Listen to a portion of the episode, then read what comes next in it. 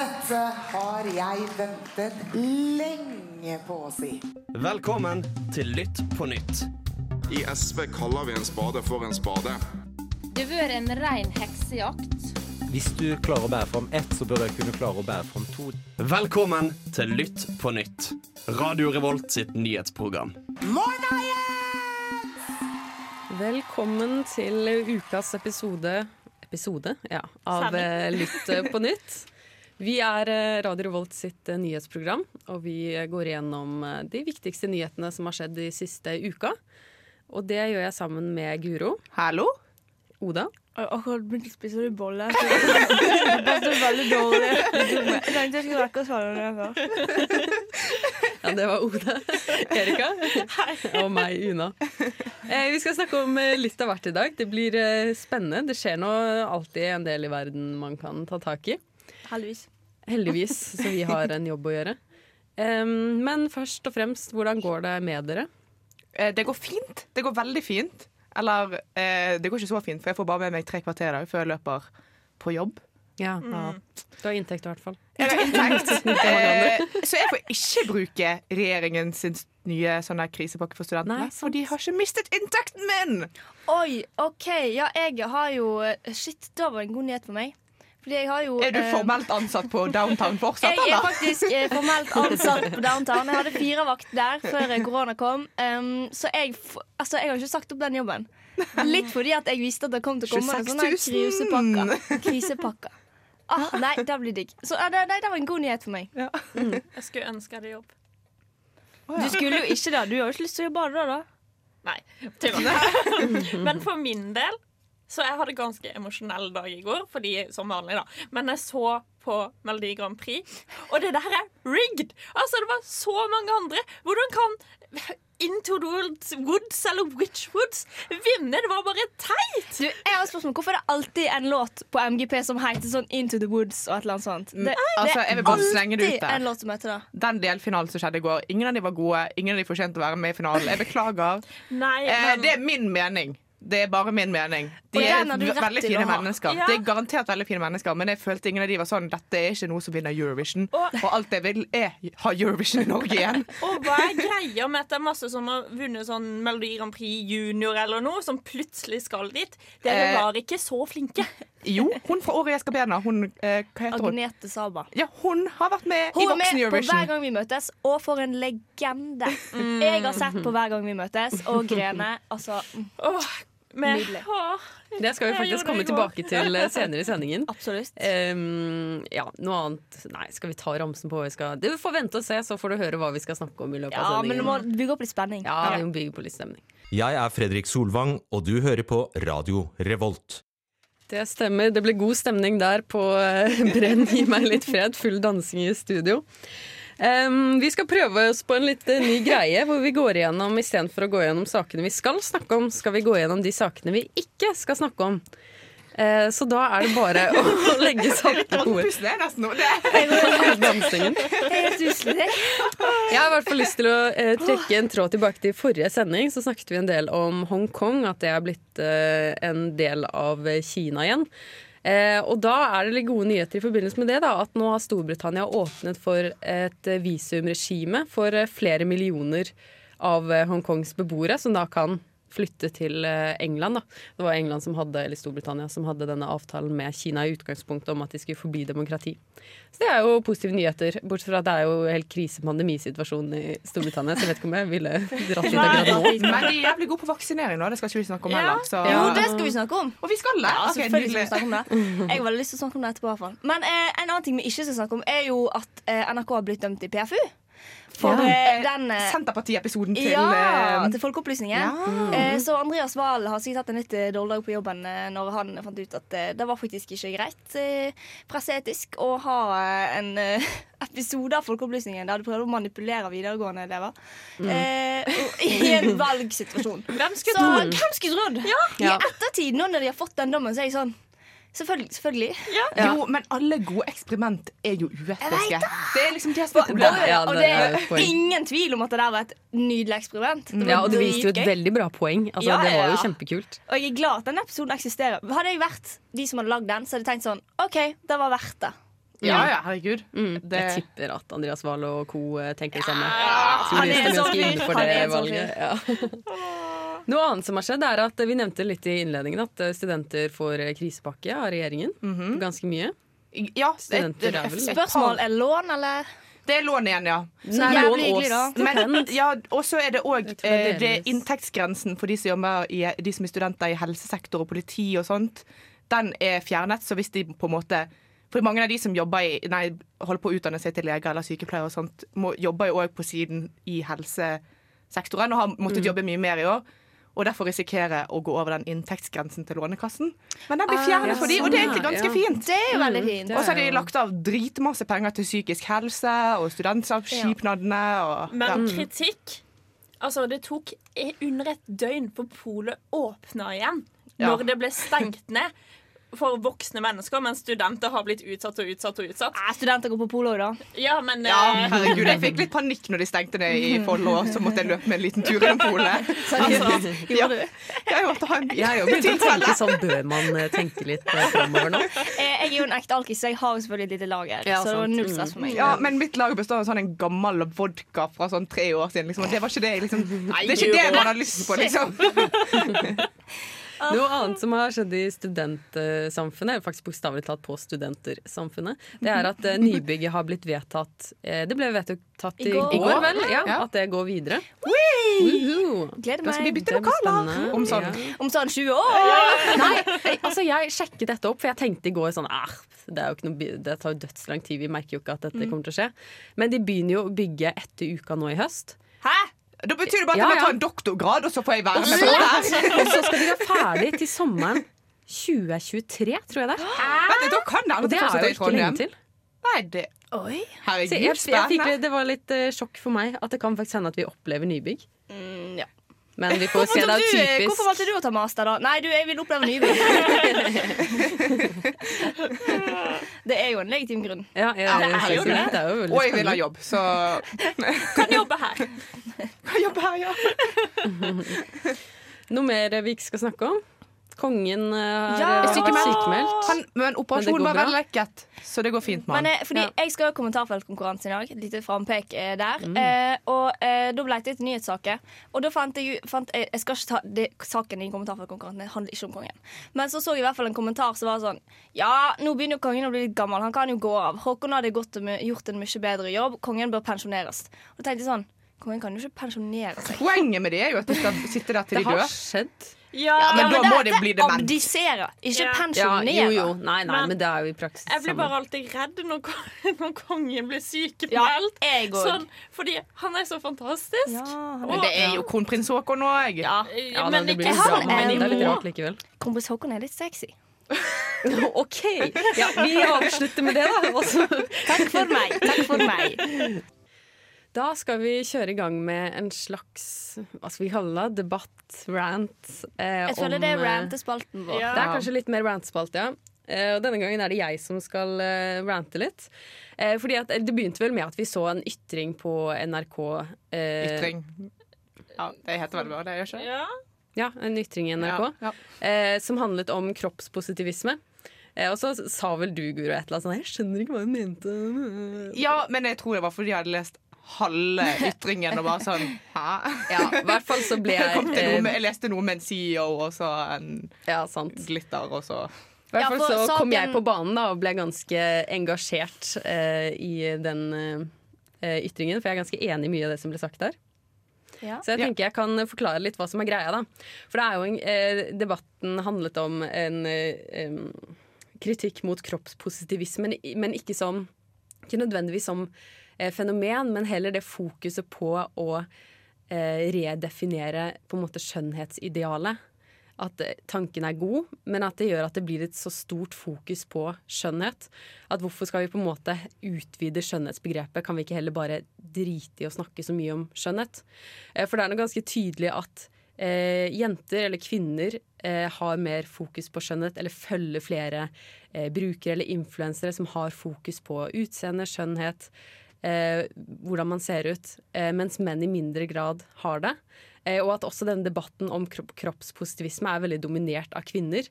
Eh, og at det er en slags sånn kritikk i at hvorfor skal fokuset vårt ligge der? Er det ikke litt eh, patetisk at vi bruker så innmari mye tid på å snakke om skjønnhet, og hva er definisjonen på skjønnhet? Bør vi utvide det til eh, også folk som har litt ekstra kilo eller hår på kroppen eller den type ting? Kan vi ikke heller da slutte å ha så stort fokus på skjønnhet? For det er jo på en måte det det bunner i, at eh, skjønnhet kan ikke defineres som én ting.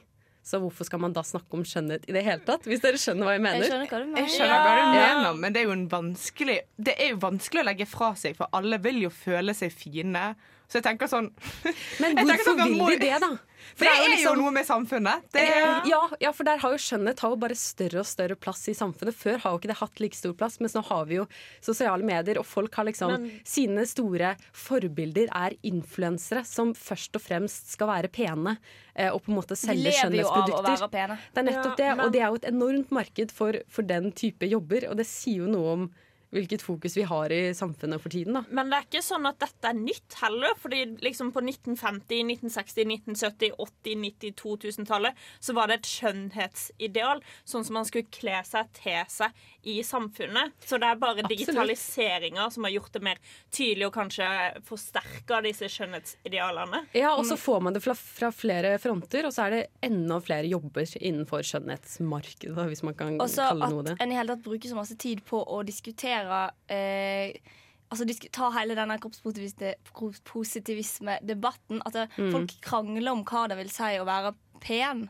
Folk krangler om hva, hvordan en kropp skal se ut. Folk krangler om at folk har meninger om hvordan en kropp skal se ut. Liksom. Mm. Det, jeg føler ofte at det blir litt lite produktivt. da Og Ja. så ser du hvor mye eh, makt disse her som på en måte jobber eller selger ting da, for skjønnhet. Sånn fun fact, kvinner pleide ikke å barbere seg selv, men så kom det masse aviser fra Glade om at dette er skjønnhet og det, og da etterpå så begynte kvinner å barbere seg. Dette var ikke normalt. Som viser hvor mye makt det handler om, eller hvor viktig det er å se fin ut, skjønn ut, vakker. Men det er jo altså kropp og utseende, liksom. Det betyr jo fortsatt noe. Det er jo ikke sånn at Men hvorfor skal det det? Det er det Nei, vi som altså, bestemmer. på en jeg har måte. lyst, altså sånn, eh, jeg er jo helt enig, det er noe man bør legge vekk, men det er jo sånn at det betyr jo faktisk noe Liksom sånn, å, OK, den dagen rumpa som er flate eller litt mage inn, liksom da Nei, men mitt poeng er at ingenting skal være inn ja, ja, men, skjønnhetsmessig. Man skal men jeg ikke har alltid snakke om ut, så er jeg med på det. Men Ja. sånn er jo ikke det nå. Og det Men- er men- men- veldig lenge igjen til altså, Det, vi har en ganske lang vei å gå. Jeg tenker sånn Ja, men Det er så lett argument at det er så langt inn i framtiden at man ikke snakker Jeg om tror ikke det skjønnhet. ligger i Men jeg tror ikke Vi kommer alltid til å snakke om det. Vi kommer alltid til, det kommer alltid til å være noen som føler seg eh, ikke eh, pen. Det kommer alltid Fina. Men skal vi alltid gå og møte det med det. Ja, men skal vi møte det med et helt annet skjønnhetsideal og si at men det er pent med eh, hår på kroppen eller å ha noen ekstra kilo? Skal vi ikke heller da si men se på denne kule politikeren, da. Kan vi ikke heller ha henne som eh, Det- idol istedenfor en influenser?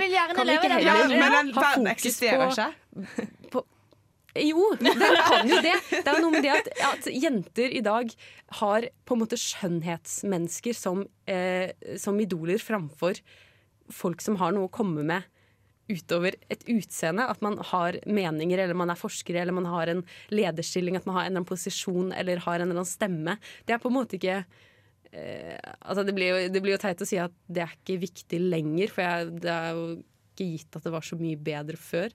Men det er noe med liksom det fokuset, da, at eh, jeg tror jenter mer enn noen gang blir eh, møtt med veldig sånn tydelig skjønnhet er viktig.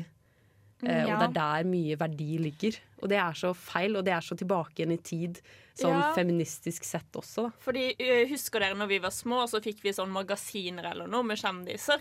Så var det veldig mange som ønska å bli disse. Det viser hvor stort problem dette egentlig er. Ja, jeg syns Ja. det Det er en er interessant debatt, i alle fall. Ja, det blir kanskje litt sånn meta, på en Ja. måte. At man går ja. Debatten om debatten. Den er Debatten Ja, sant. Det blir jo litt det, men det er ofte de mest interessante debattene. Da. Ja. Eh, vi skal gå videre. Vi skal høre på Under Nei. Jeg har en tendens til å englifisere det jeg skal si. Anglifisere, kanskje. Ja, mitt navn er Martin Lepperød. Du hører på Lytt på nytt! Nå skal vi snakke om eh, den berømte, eller blitt berømte eh, GameStop-aksjeren. Eller aksjeren, aksjene. Det er gøy. Det, Ja, for det er bare én aksje. Ja. ja. Det De kunne driver forklart hvorfor det går så dårlig. Bikker litt på ham. Ja. I dag er det din tur. Men aksjemarkedet er jo litt komplisert, så jeg skal prøve å forklare litt hva det er som har skjedd her. Eh, fordi eh, det, ja, det har skjedd en interessant utvikling på Wall Street i det siste. Eh, og det som har skjedd er at denne dataspillkjeden GameStop Den har skutt i været. Jeg tror den har gått opp liksom noen tusen prosent. Ja. Det, det er helt eh, sjukt, liksom. Eh, og eh, grunnen til det er en dragkamp mellom eh, private småinvestorer og liksom det store hedgefondet, eller ja, rikingen, på en måte, da, de som er på Wall Street. Eh, og eh, ja, jeg kan først si at hedgefond det eh, er på en måte de som sitter med makten. Det er sånne storfond som har enorme midler. De har i praksis mm, jeg håper å si monopol, men de har veldig mye makt da, i, i aksjemarkedet til å styre når ting går opp og ting går ned. Eh, og det de har gjort, disse hedgefondene, er å sette penger på at det kommer til å gå dårlig med GameStop. Eller det de har, er de, har da Det med heter sånn- shorting. De har lo lånt aksjer I GameStop. i GameStop. Og så skal de da selge igjen de uten at de egentlig eier de. For så å tjene penger da på Det er jo egentlig bare å vedde på at det kommer til å gå dårlig med eh, GameStop. Men så har da en Reddit-gruppe som kaller seg Wall Street Bets, de har eh, blitt interessert i denne GameStop-aksjen eh, Nei, disse GameStop-aksjene. Så har de samlet seg for å Egentlig bare for å ødelegge for hedgefondene.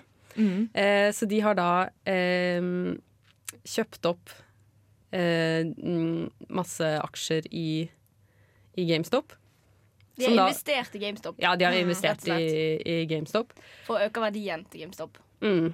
Og har da ødelagt veldig for disse hedgefondene. De Ja, har tatt, de har jo de har tatt på- milliarder av kroner på det her, liksom. Å, Men det er. Tines gi finger-move. Og bare dette begynte på Reddit. Det Ja. er så gøy! Men vi skal diskutere det, det litt videre. Vi, jeg tenker vi hører en låt først, og så skal vi gå litt over på å diskutere hva dette egentlig betyr. Ja, nå har vi jo forklart dette GameStop-aksjeropplegget.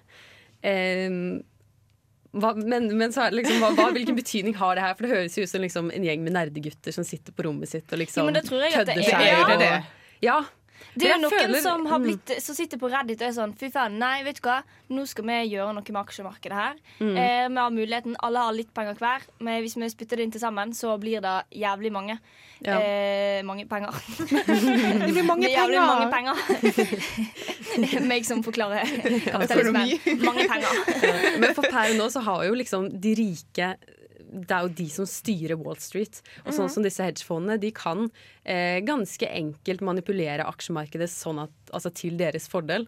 Så det er nok også litt en slags ja, finger til eh, at Altså, aksjemarkedet fungerer på den måten. At her er vi eh, private, eh, fattige gutter som på en Ja. måte slår oss sammen, da, og, Litt og da sånn får makt. Fight the man. Ja, Ja, det er egentlig litt det- Jo, jeg syns det er fascinerende liksom, hvordan eh, eh, En tenker alltid sånn Å ja, det er ingenting å gjøre med dette kapitalistiske systemet. Og så er det noen som bare samler seg på Reddit og bare sånn Ja. Hvis vi går sammen, hva kan vi gjøre da? Og så Ja.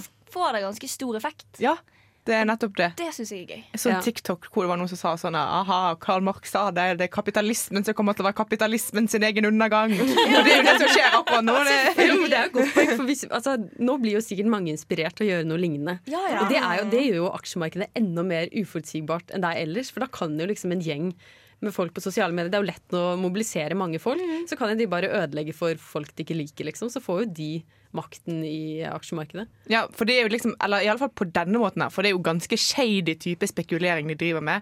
Å spekulere på at noe skal gå dårlig, at noe skal liksom gå under, og drive med sånn shortselling og sånne ting, det er jo Det er shady. det er ganske shady. Så én ting er jo om de liksom tjener seg rike på å spekulere på at ting går bra, og kjøpe sånne aksjer og sånne Ja. ting, for det er jo liksom mer mindre shady i alle fall, Ja. det de driver med der. Så litt for sent.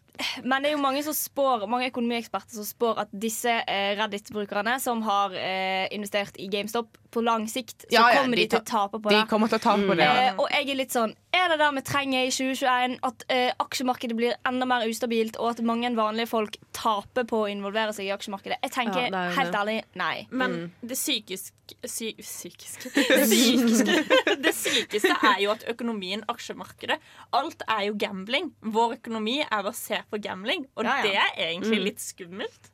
Eh, Ja. ja. men gambling som på en måte er reservert for de rike, da. Som har nok penger til å være med på spillingen. Ja. Og jeg tror det er ganske kalkulert gambling, for jeg går ut ifra at de kan noe om økonomi, disse folkene. Ofte Liksom. tror jeg det, ja. Og så er det ikke sånn at det er en overraskelse at det går dårlig med, med GameStop.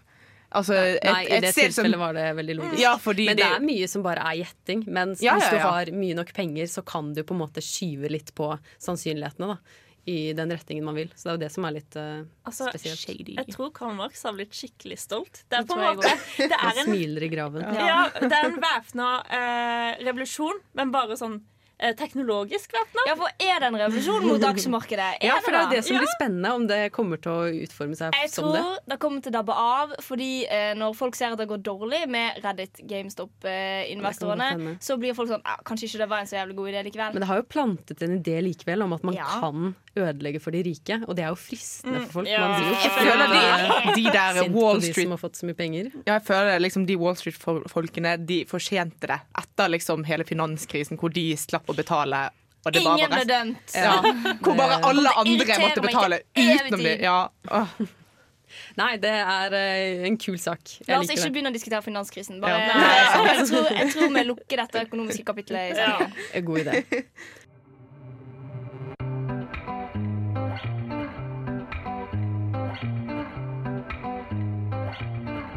Det er Tete, og du hører på Lytt på nytt.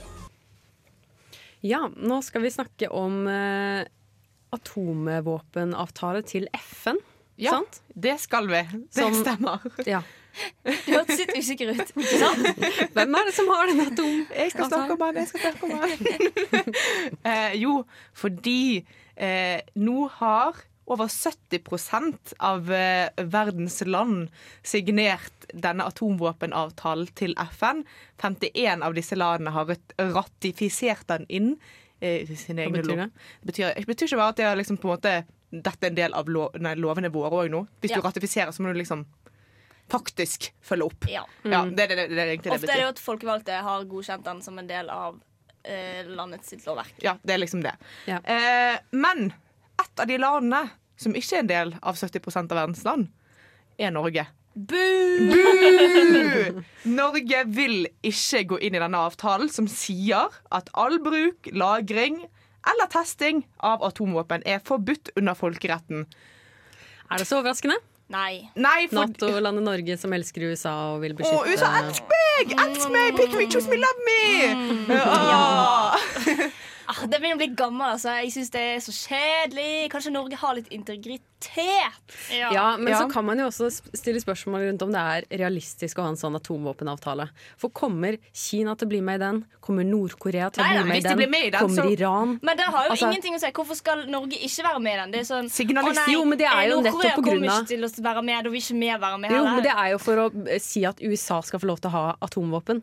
For det er jo noe med at hvis den dårlige siden på en måte skal ha atomvåpen, så bør også den gode siden i hermetegn også ha Wow, ja. atomvåpen. Altså, det, er noe, det er ikke realistisk å fjerne alle atomvåpen i verden. Men- Så da bør alle ha like mye, hvis dere skjønner. Men jeg må bare si, hva skjedde sist gang USA hadde atomvåpen? De har jo det fortsatt. Ja, men Men, sånn det er lov å le, ja. Unnskyld meg. Jo, men Men, eh, vi trenger ikke mer.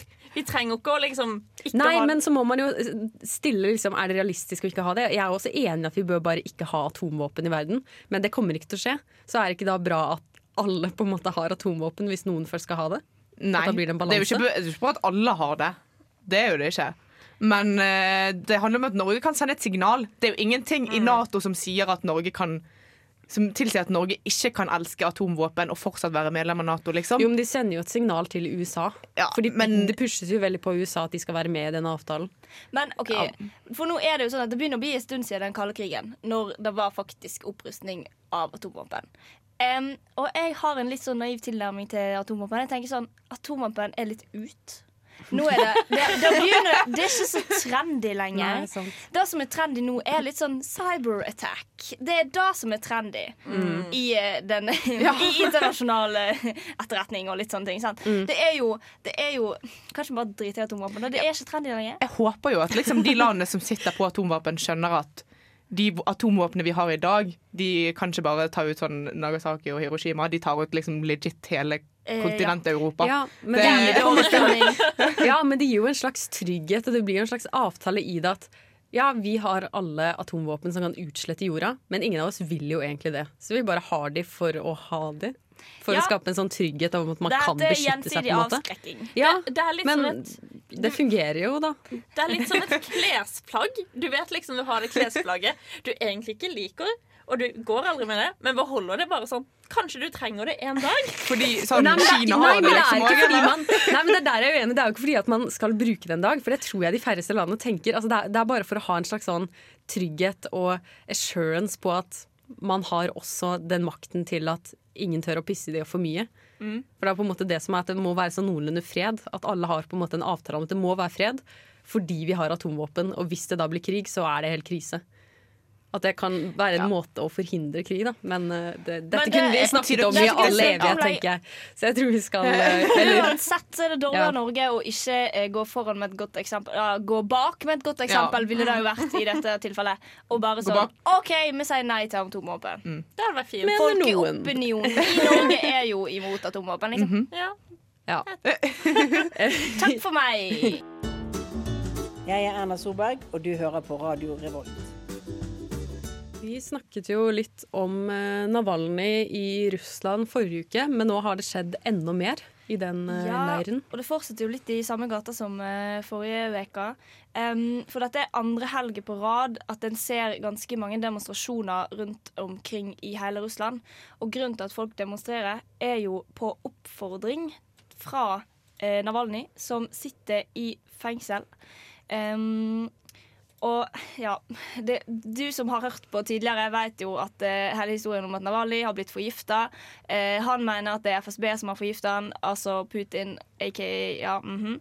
um, bare ikke kom og ta meg, Putin.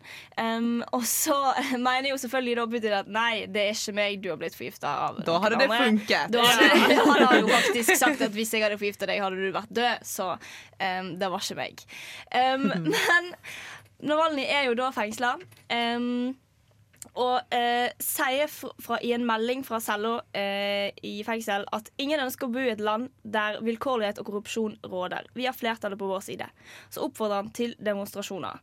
Um, og dette er jo da andre helg på rad med demonstrasjoner over hele Russland. Og for ca. en time siden så oppdaterte eh, norske medier tallene på hvor mange som var blitt arrestert. Og det var vel rundt eh, 750 mennesker som var arrestert allerede da, eh, før demonstrasjonene offisielt var starta. Um, og politiet i Moskva viser til koronaregler og har varsla omfattende restriksjoner på bevegelsesfriheten i dag. Og sju T-banestasjoner i Moskva er stengt. Så det er jo åpenbart at eh, politiet prøver å begrense denne eh, demonstrasjonsvirksomheten. Um, men folk er jo sinte. Forståelig nok. Eh, Forståelig nok. Folk er eh, på Navalny sin side. Når Navalny sier at vi har flertallet på vår side, så ser det jo litt ut som at han har rett, for det er store folkemengder som demonstrerer. Og jeg så nettopp en eh, livesending fra eh, Moskva der eh, en ser at det er masse, masse, masse, masse folk som går overalt, og så kommer politiet gående på rekke og rad, liksom som i en ser ut som Hunger Games. ja, ja, jeg fikk Hunger Games-vibes av det. For politiet bare kom, folk bare viker unna og stikker langt vekk fordi at de vil ikke bli arrestert. Åpenbart. Hvem har lyst til å bli arrestert i Russland?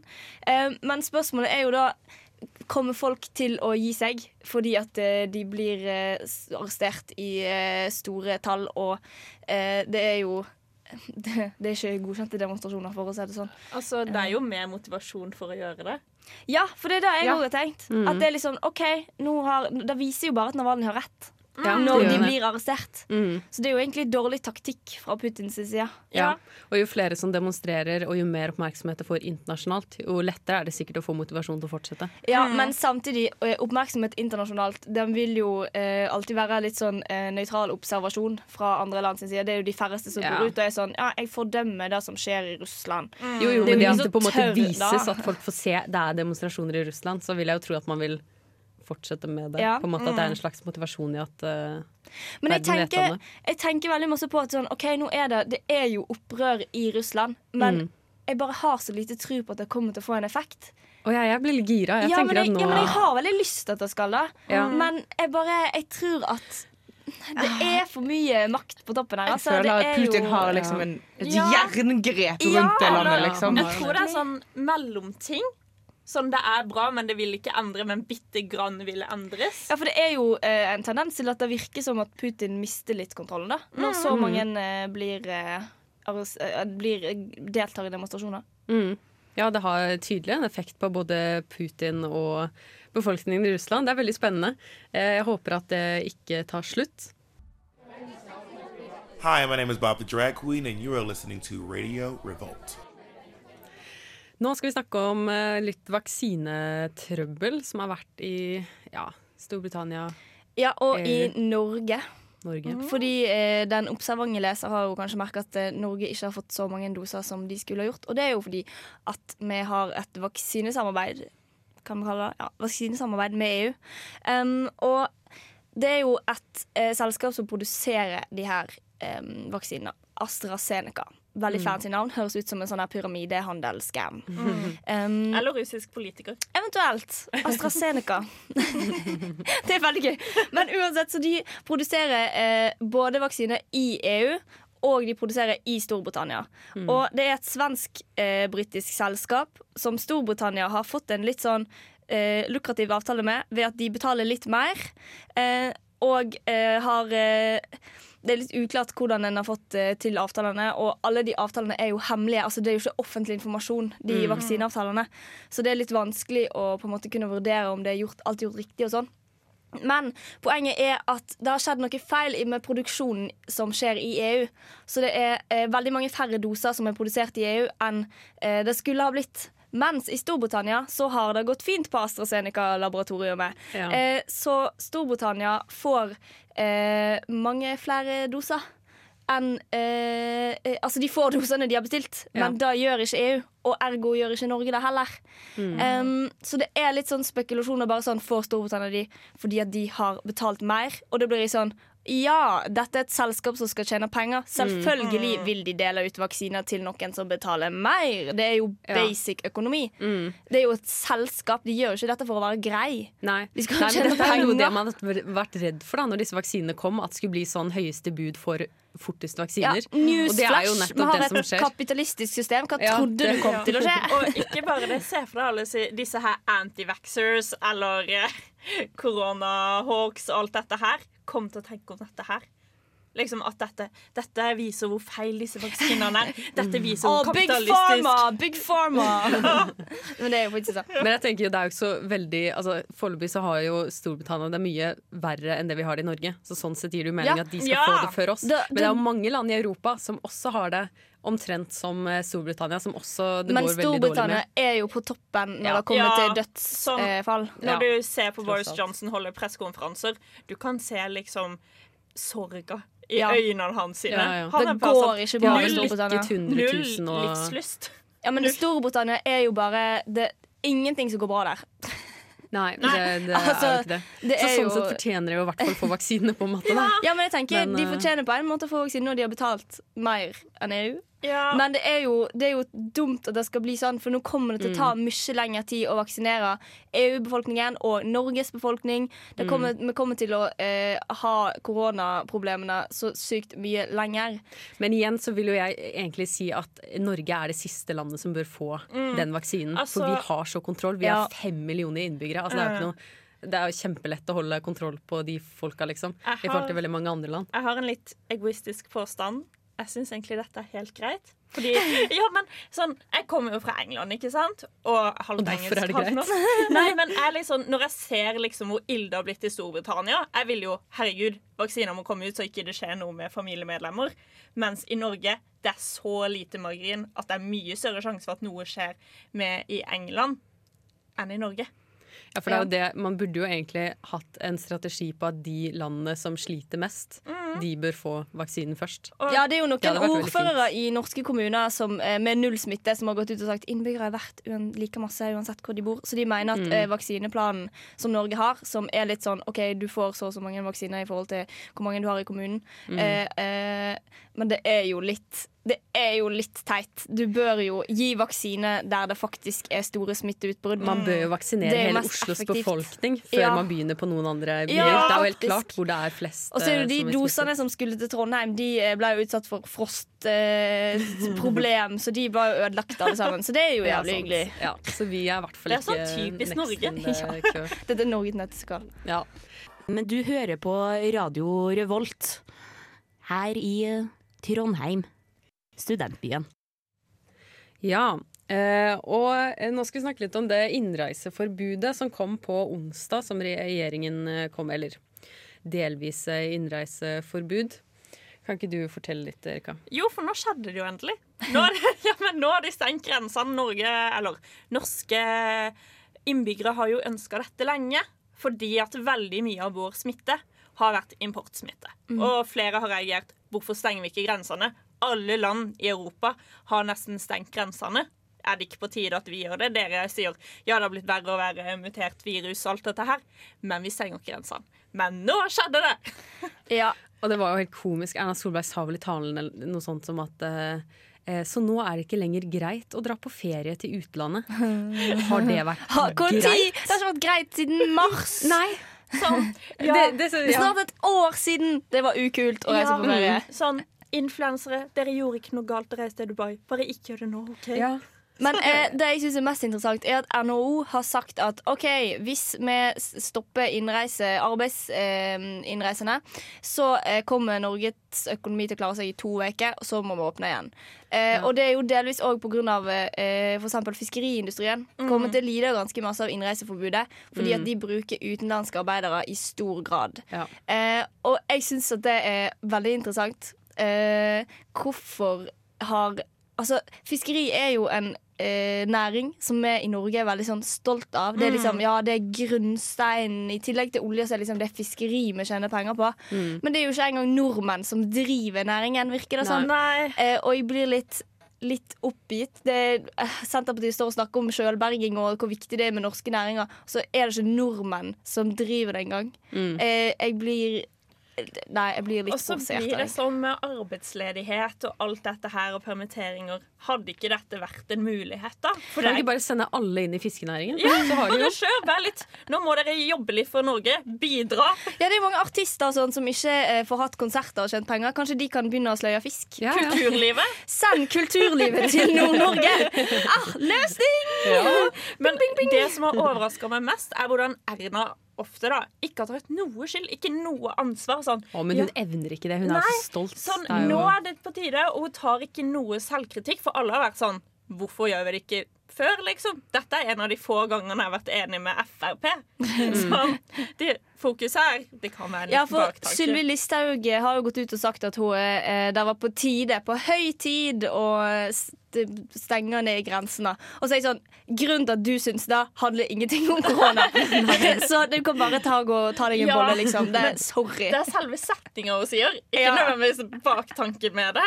Men det er jo sant, altså. Det var jo på høy tid. Selvfølgelig da. Mm, Men så er det jo også sånn som Erna sa, at ja, nå blir det innreiseforbud med noen unntak. og jeg blir sånn, hva er de unntakene? Kan det være at vi fortsatt får importsmitte når eh, det er unntak? Burde ikke vi bare bam, steng ned? Sorry hvis du er på ferie i Dubai. Får du faktisk bare være i Dubai.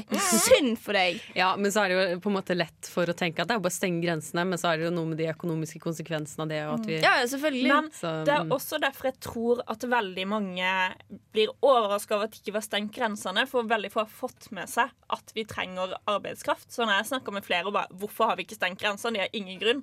Så man er sånn, Nei, for det handler også om arbeidskraft. Så er det jo en, liksom legitimt at ikke vi har gjort det før. Ja, Det er jo en hel Mm. haug med Mm. østeuropeiske arbeidere som eh, tjener til livets opphold i Norge. Og vi Så er like avhengige av de som de er av eh, norsk økonomi. Go sosial dumping! Ja, det er jo òg et aspekt av denne saken. Kanskje vi ikke skal ta den debatten Nei. denne gangen. da blir det enda verre. Ja. Ja, Men nå er i hvert fall eh, grensene stengt, så vi får håpe at ikke det kommer mer importsmitte med det første. Hva er det du liker best ved studentradioen? Jeg hører alltid på studentradioen. jeg. Nå skal vi over til Asiakontinentet. Vi skal snakke om India. Eh, og her er det litt av hvert som jeg har lyst til å eh, nevne. Eh, men jeg skal prøve å få sagt det litt ryddig. Fordi forrige uke så eh, Hva skal man si? Eh, eh, kinesiske og indiske soldater de gikk løs på hverandre. Det var liksom en slags slåsskamp uten eh, våpen. Altså sånn sett var det ikke liksom offisielt. Um, men det er en eh, Altså den grensen som er mellom India og Kina, den har det jo vært konflikter rundt eh, siden For ja, alt. For alt det, egentlig. Det er jo òg. Altså, Kina og India de har jo ikke verdens beste forhold, liksom. Nei, de hadde veldig godt eh, forhold eh, før i tiden. De har jo handlet mye med hverandre, Mm. og Kina har brukt liksom, områder i India for å komme inn til Vesten for å handle der. Eh, så de har hatt et godt forhold, men det er den der omstridte grensen eh, som har gjort at forholdet har vært ganske eh, spent eh, de siste hundre 100 årene, kanskje.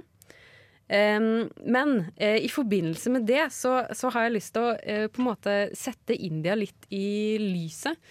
For India har blitt en veldig Altså de siste ja, ti årene egentlig så har de vokst som en økonomisk uh, makt. De har vokst som land. De har blitt 1,4 milliarder mennesker og kommer sannsynligvis til å ta igjen Kina om ikke så mange år. Um, og de handler mer og mer med Vesten og får på en måte en større og større plass da, i verdensøkonomien, som jeg syns er veldig spennende. Uh, og Vesten har jo veldig sansen for det her, for India er jo et demokrati, til forskjell fra Kina. Så da kan man Mm. få liksom et en, Ja, det blir jo ikke en ny, men en til stormakt i Asia, som kan bli litt en motvekt til Kina, og som kan være litt på hva skal Vesten sin side. Ja, det er jo attraktivt for vestlige land å Ja, ha en alliert istedenfor en eh, konkurrent. Fiende. Ja. Mm. ja, jeg valgte å kalle det konkurrent, Ja. da, men eh, det er kanskje en fiende. Jeg vet ikke. Mm. Eh, og i forbindelse med det at eh, India er et eh, demokrati, så har jeg lyst til å gå litt inn i landet på liksom, intern politikk der. For der har det skjedd mye de siste egentlig to månedene. Så da har det vært veldig mye demonstrasjoner innad i landet. Og det er pga. en ny landbruksreform. Eh, og den, det er litt vanskelig å få grep på hva den egentlig handler om. Eh, men det den fører med seg, ifølge de som demonstrerer, det er at private, store selskaper får mer makt i eh, landbruket.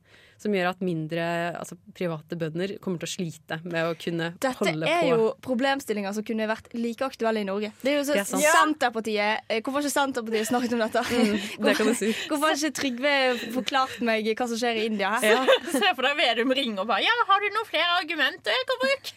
Kanskje eh, eh, India er Trygve Slagsvold Vedum sin svenske tilstand. Har bare indiske tilstander. Ja. Jeg bare ser det for meg. Ja, Men det som er veldig kult, for dette er jo som sagt da, en, en diskusjon som også kunne vært i Norge eller egentlig hvor som helst. Mm. Men det som er kult, er at utrolig mange folk i India har mobilisert seg.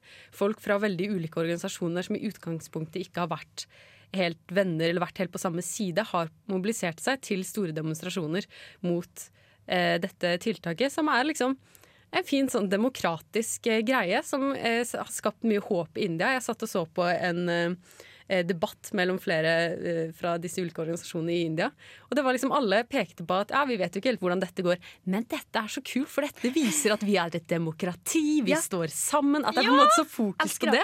Og det syns jeg er så flott. Eh, desto enda større grunn til å like India. Bli venn med de. Og så syns jeg det bare er så fint at de samler seg. Og du har sett Mm. dette egentlig i verden de siste ti år, at det er enda flere og flere som samler seg og liksom jobber mot undertrykkelse eller ting de ikke er enig i. Og det er fint at på en måte det kommer mer og mer, og i hvert fall til Asia. Mm. Og det at småbøndene i distriktene lar seg engasjere i demokratiske prosesser, det også er jo veldig viktig i et eh, demokrati, at alle er med. Mm. Absolutt. Mm. India. Så det var litt sånn gladsak. Litt sånn sette fokus på India som eh, nasjon. Ja. På tide. Jeg liker det. Ja, vi liker det. Føler meg opplyst om India nå. Ja. Takk skal du ha, Una. Vær så god. Nå skal vi høre med en mann som står veldig langt unna mikrofonen, hva han syns om Radio Revolt. Radio Revolt er den beste studentradioen i Trondheim. Jeg hører på det hver dag. Skikkelig bra. Nå skal vi snakke om eh, menn med følelser. Det er en slags eh, kjendisspalte der vi skal snakke om Det er vel to menn som har følelser, da, og som uttrykker dem. Ja, nei, men jeg tenker dette blir jo en kjendisspalte. Fordi Mm. det er kjendiser det er snakk om.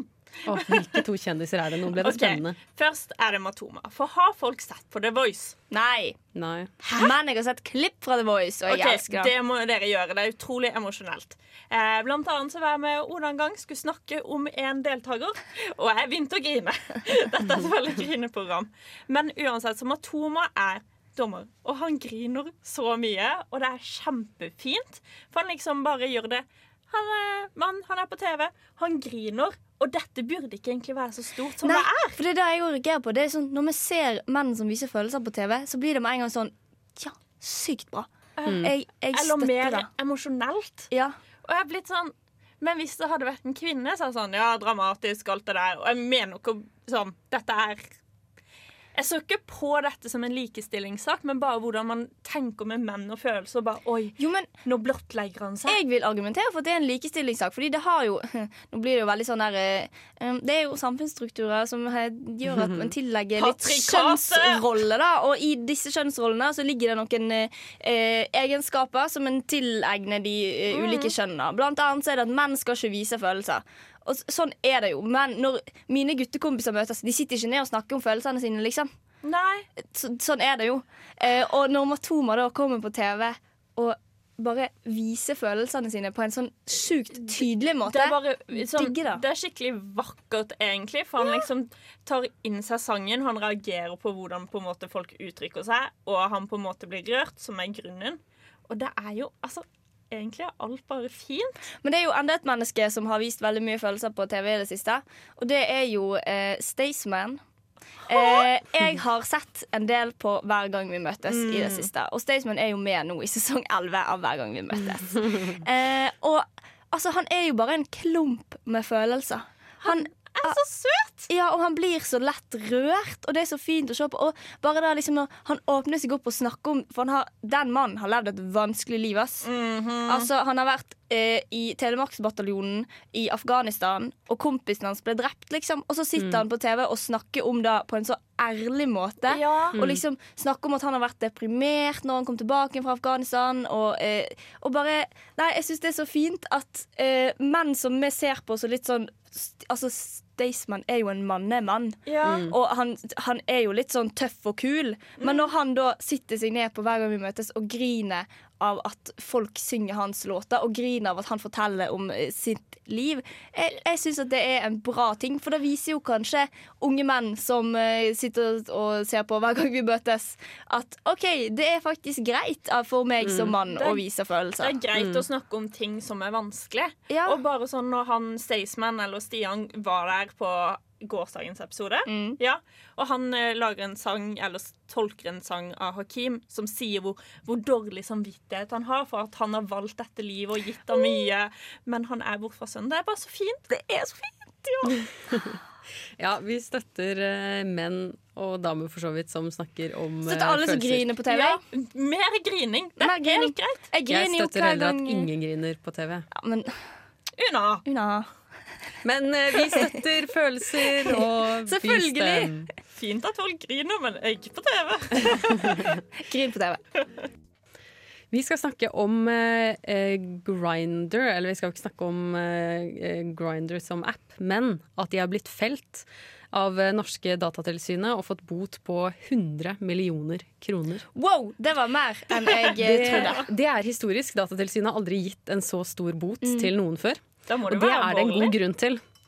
Eh, fordi ja, det er ganske alvorlig, men også litt symbolsk. Eh, fordi eh, greia er at eh, Grinder samler inn ganske mye data om brukerne sine. Det gjør for så vidt de aller fleste apper. Eh, man får liksom eh, bilde, lokasjon, navn kanskje, Det er der du oppgir når du trykker på eh, enig-knappen. I uh, terms and conditions. Ja. ja. Eh, men det Grinder gjør, er at de selger denne informasjonen til eh, markedsføringsselskaper, sånn at de kan tjene penger på denne informasjonen. Og det er jo problematisk, eh, for da eh, man, altså de Grinder bryr seg ikke så veldig om hvem de gir den informasjonen til. Og bare ved å vite lokasjonen til folk eh, over tid, så er det ganske lett å finne ut hvem det er som har vært på Grinder. Mm. Og dette er jo i utgangspunktet eh, sårbare mennesker i form av at de er en eh, seksuell minoritet. Eh, og mange er heller ikke åpne utenfor denne appen om hvilken seksualitet de er. Kanskje eh, eksperimenterer de, de vet ikke Mm. helt eh, hva de vil. Eh, og så selger da Grinder denne informasjonen om de menneskene videre til selskaper. Og også med da eh, stikkord som eh, bi, eh, homosexual, Det er eh, så queer. spesifikt, ja. ja da, Vent, de vent. inkluderer det. Så de tjener penger, for det er en del sånn penisbilder og sånn.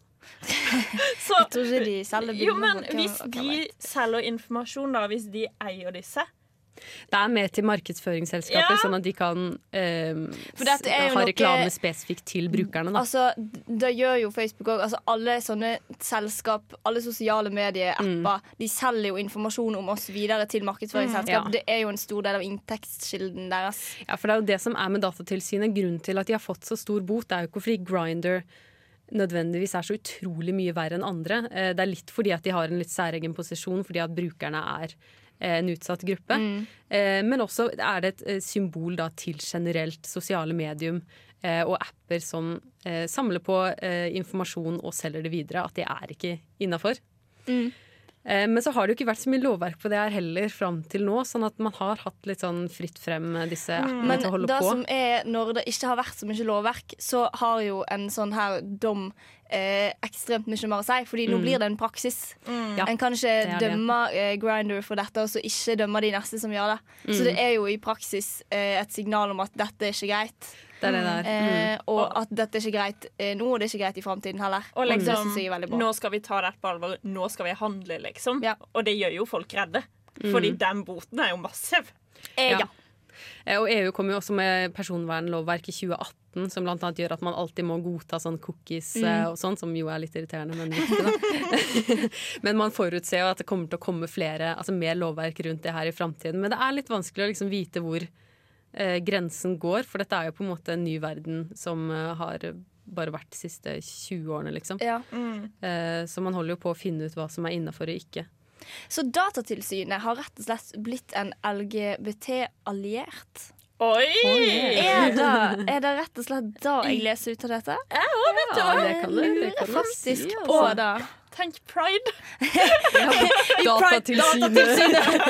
Å, Shit, det skal jeg gjøre.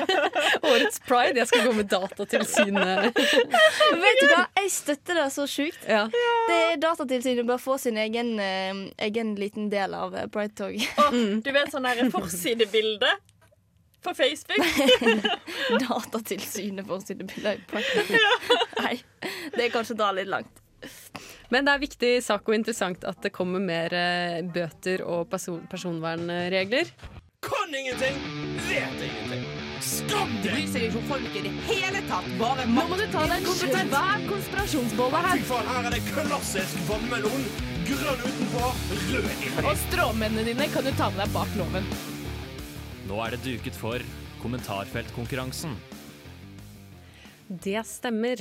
Og nå skal eh, Oda lese opp en haug med kommentarer, og så skal jeg og Erika prøve å gjette hvilken sak. Problemet her i dag er at jeg har altfor mange gode kommentarer. Det, Å, det er gøy. Jeg aner ikke. Det, men uh, jeg skal prøve å luke ut noen av de som Vent litt. Hvor er kommentarene fra? Kommentarene er fra TV 2-nyhetene. As usual. Um, eh, jeg føler at vi kaster TV 2-nyhetene litt under bussen her nå, men Ja, da føler jeg jeg er helt plass. Er legitimt. Jeg å kritisere mainstream media. Er det ikke derfor vi er her? Det er derfor vi er her. OK, jeg tenker vi starter. Uh, den første kommentaren er Ja takk, inn i politikken igjen. Uh, og så tror jeg vi kjører på med neste med en gang. Han er en god statsministerkandidat. Jeg vil bare påpeke den orddelingsfeilen der. Ja, sant. Eh, Men noen skal inn i politikken igjen. Det må være noen som ikke er i politikken per nå. Det kan ikke være Jens Stoltenberg. Vi vil jo alltid ha han tilbake igjen i politikken. Ja, han vil vi alltid ha tilbake, men han har ingenting med denne saken her å gjøre. Ja, I wish.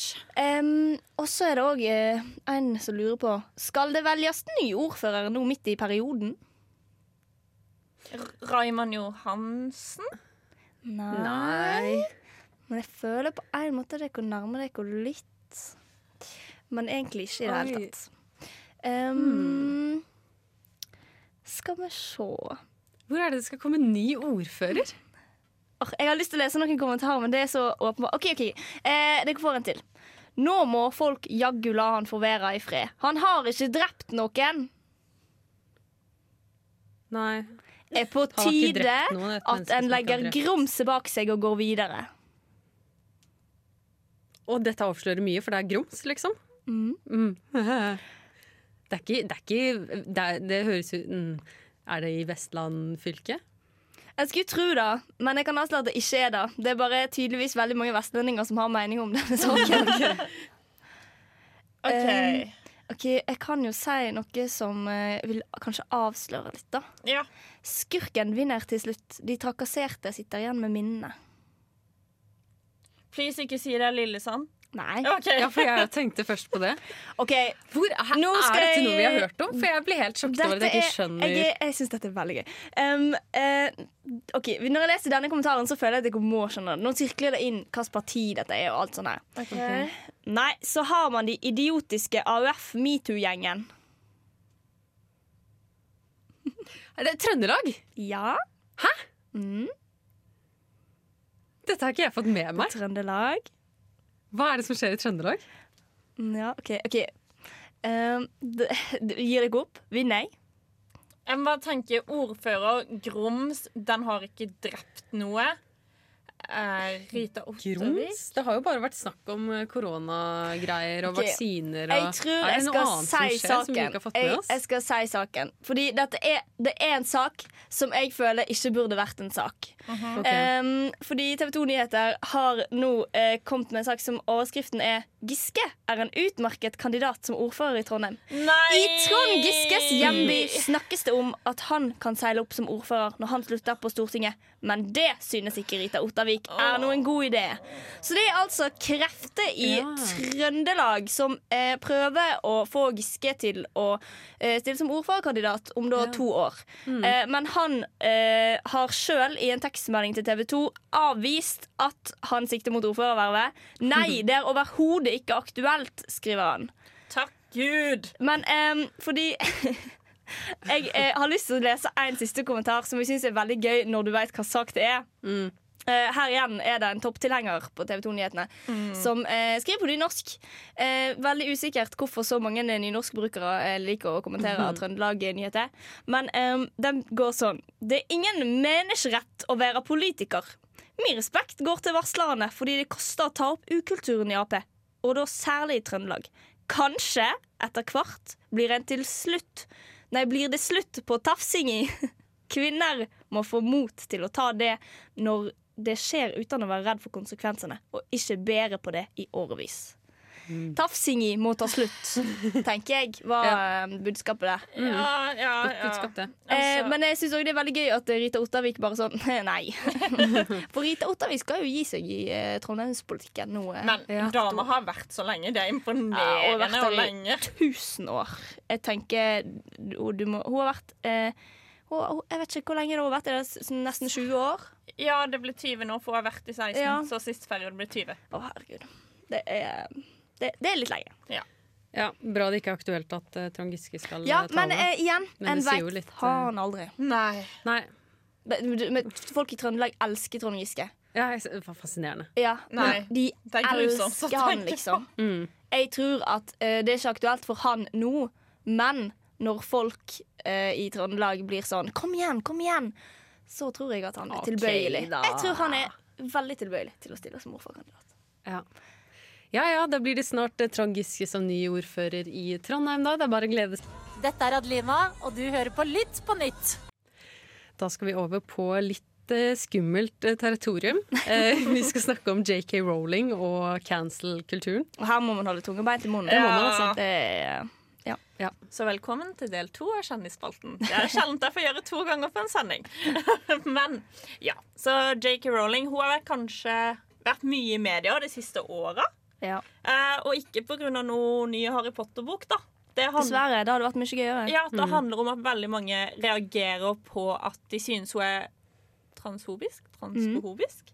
Transfobisk, ja. Det er et ord. Det er et ja, ord. Ja.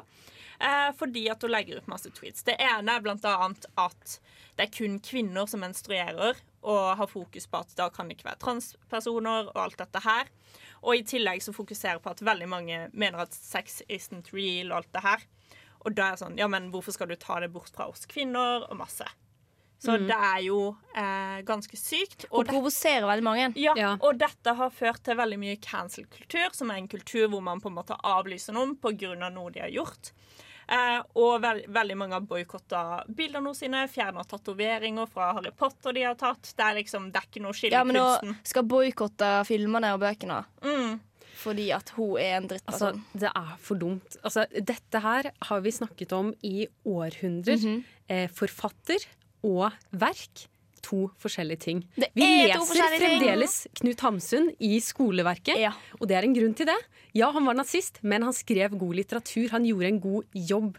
Altså Og jeg vil, på, jeg vil si at eh, eh, Hamsun var verre enn JK Rowling. Ja, for det er jo det Jeg merker jo Altså Cancel-kulturen har jo vært en god stund, men nå har jo JK Rowling-saken blitt på en måte selve symbolet på cancel-kulturen. Men det er jo òg fordi hun gjentatte ganger gjør samme feilen. Hun uttrykker Ja. seg og Mm. provoserer og fornærmer liksom. så mange med liksom Og- sånn jevne drypp utover hele tida. Og, og jeg personlig synes jo at disse tweetsa er helt bad. Liksom. Det er skikkelig ille at folk kan mene noe. Men du må respektere. Vi har ytringsfrihet. Mm. Du skal få lov å ha din mening. Det er liksom Hvis du er en drittperson, så kan du få lov til det. Ja, det er det hva demokratiet vårt handler om. Du kan uttrykke deg hvordan du vil. Og det skal ikke være at du får dødstrusler bare fordi at du er uenig med hva noen sier. Men jeg tenker at det går utover ytringsfriheten. Altså dette er eh, Jeg mener jo at det hun sier ikke er direkte transfobisk. Det er et forsøk på å diskutere kjønn eh, og hva som er problematisk ved at man på en måte utvisker det biologiske kjønn og bare skal snakke om et sosialt kjønn eller et identitetskjønn. Og det syns jeg er veldig viktig at man snakker om. Eh, fordi eh, dette er jo veldig Nå skal jeg til å si at det er veldig populært. Det blir veldig feil å si. Men dette blir jo mer og mer akseptert, og da er det også viktig at man diskuterer det. Eh, og der syns jeg det er utrolig problematisk at bare fordi at noen har en mening som går ganske imot eh, det de fleste mener, så skal man på en måte ikke la den stemmen være gyldig. Og det syns jeg er problematisk. For noe av det JK Rowling trekker fram, er at um, at det er eh, på en måte eh, det er uansett en fysisk forskjell da, på biologiske kvinner og transkvinner. Hun trekker bl.a. fram det at, at menn er på en måte sterkere og, og kan potensielt begå overgrep på kvinner, da, hvis man f.eks. bruker samme garderobe eller bruker samme toalett. Og at det også kan være ubehagelig at en person med eh, penis skal være inni en kvinnegarderobe. Men så er det jo også eh, elementer av det som eh, skal lesbiske Må de også kunne bli sammen med en transkvinne? Blir det da eh, Altså, er de på en måte transfobiske hvis ikke de kan forelske seg eller bli sammen med en transperson? Men det der er ikke en offentlig samtale. Hvem folk velger å, velger å bli forelsket Hvem folk eh, eh, har lyst til å dele livet sitt med, det er ikke en offentlig samtale. Nei, Hvis du er er- likevel verdt å diskutere, på en måte, for det, for det tydeliggjør Det liksom forskjellen på biologisk og sosialt kjønn. Ja, og- Hvorfor er det teit å diskutere? Nei, men det er er på en ingen måte som teit å har noe med hvem folk er interessert i. Altså, folk sin seksualitet er en privat ting. Jeg skjønner at det blir en del av den offentlige samtalen, men hvorfor skal JK Rowling, forfatter av Harry Potter-bøkene, ha en mening om hvem som skal være i hver garderobe, og hvem lesbiske skal Ja, for Hvorfor skal hun ikke få lov til å ha en mening om det? Alle men- skal ja, få lov til å ha en mening om at Jeg syns det blir så Hvorfor skal man snakke om det? Går du i Hvem snakker mens de urinerer? Og bare Jo, forresten, jeg har liksom en eh, hatt eller har en guttetiss, da, men eh, nå, nå er det annerledes. Å ja, så Ja, men, hyggelig men hun å snakker jo høre. ikke, ja, men hun mener jo ikke liksom enkeltsituasjoner, men det er det at man åpner på en måte en dør da, hvor man ikke hvor man på en måte skal viske ut de biologiske forskjellene.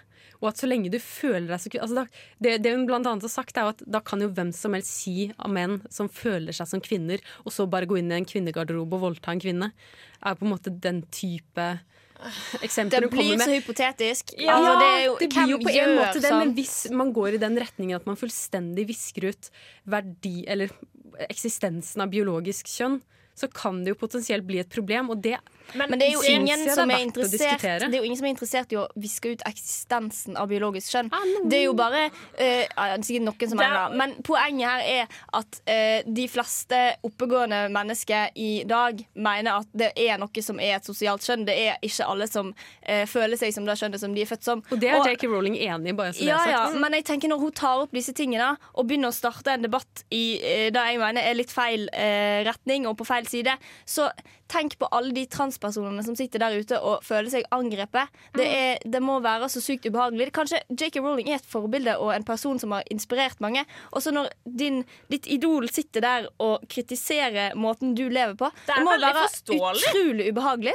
Men hun kritiserer ikke måten de lever på, hun kritiserer på en måte Eller hun, hun vil på en måte dra diskusjonen eller diskutere en annen side. For det, for det du på en måte sier er at fordi at hun har den posisjonen hun har, så kan hun ikke ta den upopulære meningen. Nei, Og det er jo det ikke- jeg syns er problematisk. At, for jeg er jo heller ikke enig i noe av det hun sier. nei. Men hun skal få lov til å ta den meningen. Og jeg syns også det er viktig at noen gjør det, og at det blir en debatt rundt det. Og at det er veldig problematisk at Men- måten samfunnet men møter på, er å bare slå en- det ned, så hun ikke får jeg- kommet på den siden av Jeg saken. føler mye av ting Det er sånn Hvorfor har folk med dette her? Sånn om hva man liker og sånn. Du hører ikke en, noen bare Ja, nei, vi må diskutere om hvorfor du liker gutter med blondt hår. Altså, Jo, men det er ikke det hovedargumentet men lenger. det blir så dumt og bare sånn hvordan man skal gå på do, liksom. Det blir litt som å forklare Nei, jeg er den fargen, liksom. Bare på disse. Sånn, Hvorfor skal man snakke om hvordan man urinerer? Eller hvorfor skal Jo, man men det er jo det at det kan potensielt man- eh, Ja, men- føre til problematiske situasjoner Men som man foreløpig ikke kan forutsi fordi kan man ikke ikke er der gjøres- ennå. Unnskyld at jeg avbryter. Eh, Det kan gjøres i absolutt alle grupper. Du kan òg si sånn eh, med Frp, da. Ja, nei, hypotetisk sett så kan dette skje med masse muslimer som kommer inn i landet. Hvis kvinner får altfor like rettigheter, hvorfor skal drive med sånn eh, og hva heter det, kjønnskvotering. Altså, Mm. Dette kan skje i absolutt alle grupper, men det blir for dumt å reagere sånn på en hypotetisk situasjon, fordi at det er ikke sikkert at dette kan skje. Og det er veldig abstrakt. Det er jo ikke en hypotetisk situasjon. Vi er jo på vei dit at eh, ja, at tran det, høres ut som jeg syns det er negativt, men altså at transpersoner er, blir en mye mer naturlig del av samfunnet. og Det blir så mye mer synlig, for det er ikke like stigmatisert. Men da må man, altså når man skal snakke om eh, sosialt kjønn, så må man også kunne kritisere det. Og det er på en Ja, måte egentlig mitt Jeg er enig i at det er en viktig debatt, og at vi må ta debatten, men jeg, jeg syns at eh, den debatten har blitt litt toxic. Mm. Og Ja. at det er, det er det som egentlig er problemet. Mm. Og jeg tror noe av det er av ikke bare retorikken til JK Rowling, men òg at folk har reagert så sterkt og så aggressivt imot det. Så det er jo ja, nei, Ja, det har blitt en rotete debatt. Helt enig. Absolutt. Begge sider har eh, Ja, det har blitt veldig skjevt. eh, veldig Mm. skjevt. Ja. Vi nærmer oss eh, avslutningen, men vi må jo gi dere noen gode tips og litt inspirasjon til uka som kommer. Ja. Eh, og jeg føler vi skal inn i eh, kategorien ting du kan gjøre med vennene dine Mm. eh, som ikke bryter smittevernreglene. Fordi det føler jeg er eh, Vi gidder ikke at eh, vi skal ha smitteutbrudd blant studenter i Trondheim, fordi det er pinlig. Eh, og det gir eh, Studentene blitt behandla dårlig eh, under korona. Eh, de treng, vi trenger ikke ha en legitim grunn til å bli behandla dårlig. Nei. Så i stedet for å ha meganasj, så syns jeg at du heller skal ta med deg vennene dine på kino, teater, støtte kulturlivet, samtidig som du har det gøy med vennene dine. Og hvis du ikke har så mye penger, så kan du gå og ake. Ja, Eller stå på Ja. ski. Fordi at det er jo kjempemye uh, snø, det er mye ting du kan gjøre. Nå er det utrolig gøy å være ute i naturen. Det er masse billige akebrett der ute. Ja. Mm. Og hvis du trenger ski, så eh, låner jo sitt ut. Ja, NTNUI på. Mm, Så da har du, har du ikke, så kan du gjøre det. Masse du kan gjøre. Og så er du ute. Det er du bra. Ja, jeg har brukt NTNUI Bumerang og lånt meg ski. eh, Og hadde kjempefin skitur i Bymarka på fredag. Det anbefales. Det er litt lang kø for å hente ski, men eh, kle på deg godt, så går det helt fint. Så da kan du leie ski, ta med noe kakao, kose deg, være Og du leier ski, du leier ikke ski fordi det er gratis. Ja, ja. Du får låne ski uten å betale. Ja, ja. Og Mm. det er, ganske, det er et godt tilbud. Ja. Altså, og du kan, det er ikke bare ski. Det er skøyter, det er snowboard, det er slalåmski. Det er Mm. alt mulig. Ja, Skøyting kan jeg anbefale. Det er altså, så mange skøytebaner i Trondheim. Ja. Jeg har ikke, altså, det fins egne sånne kart hvor du kan se hvor det er skøytebaner i Trondheim. Det er virkelig utviklet. Det er nydelig. Mm. Nei, så det er bare å eh, kose seg selv om det er restriksjoner. Radio Radio. Radio.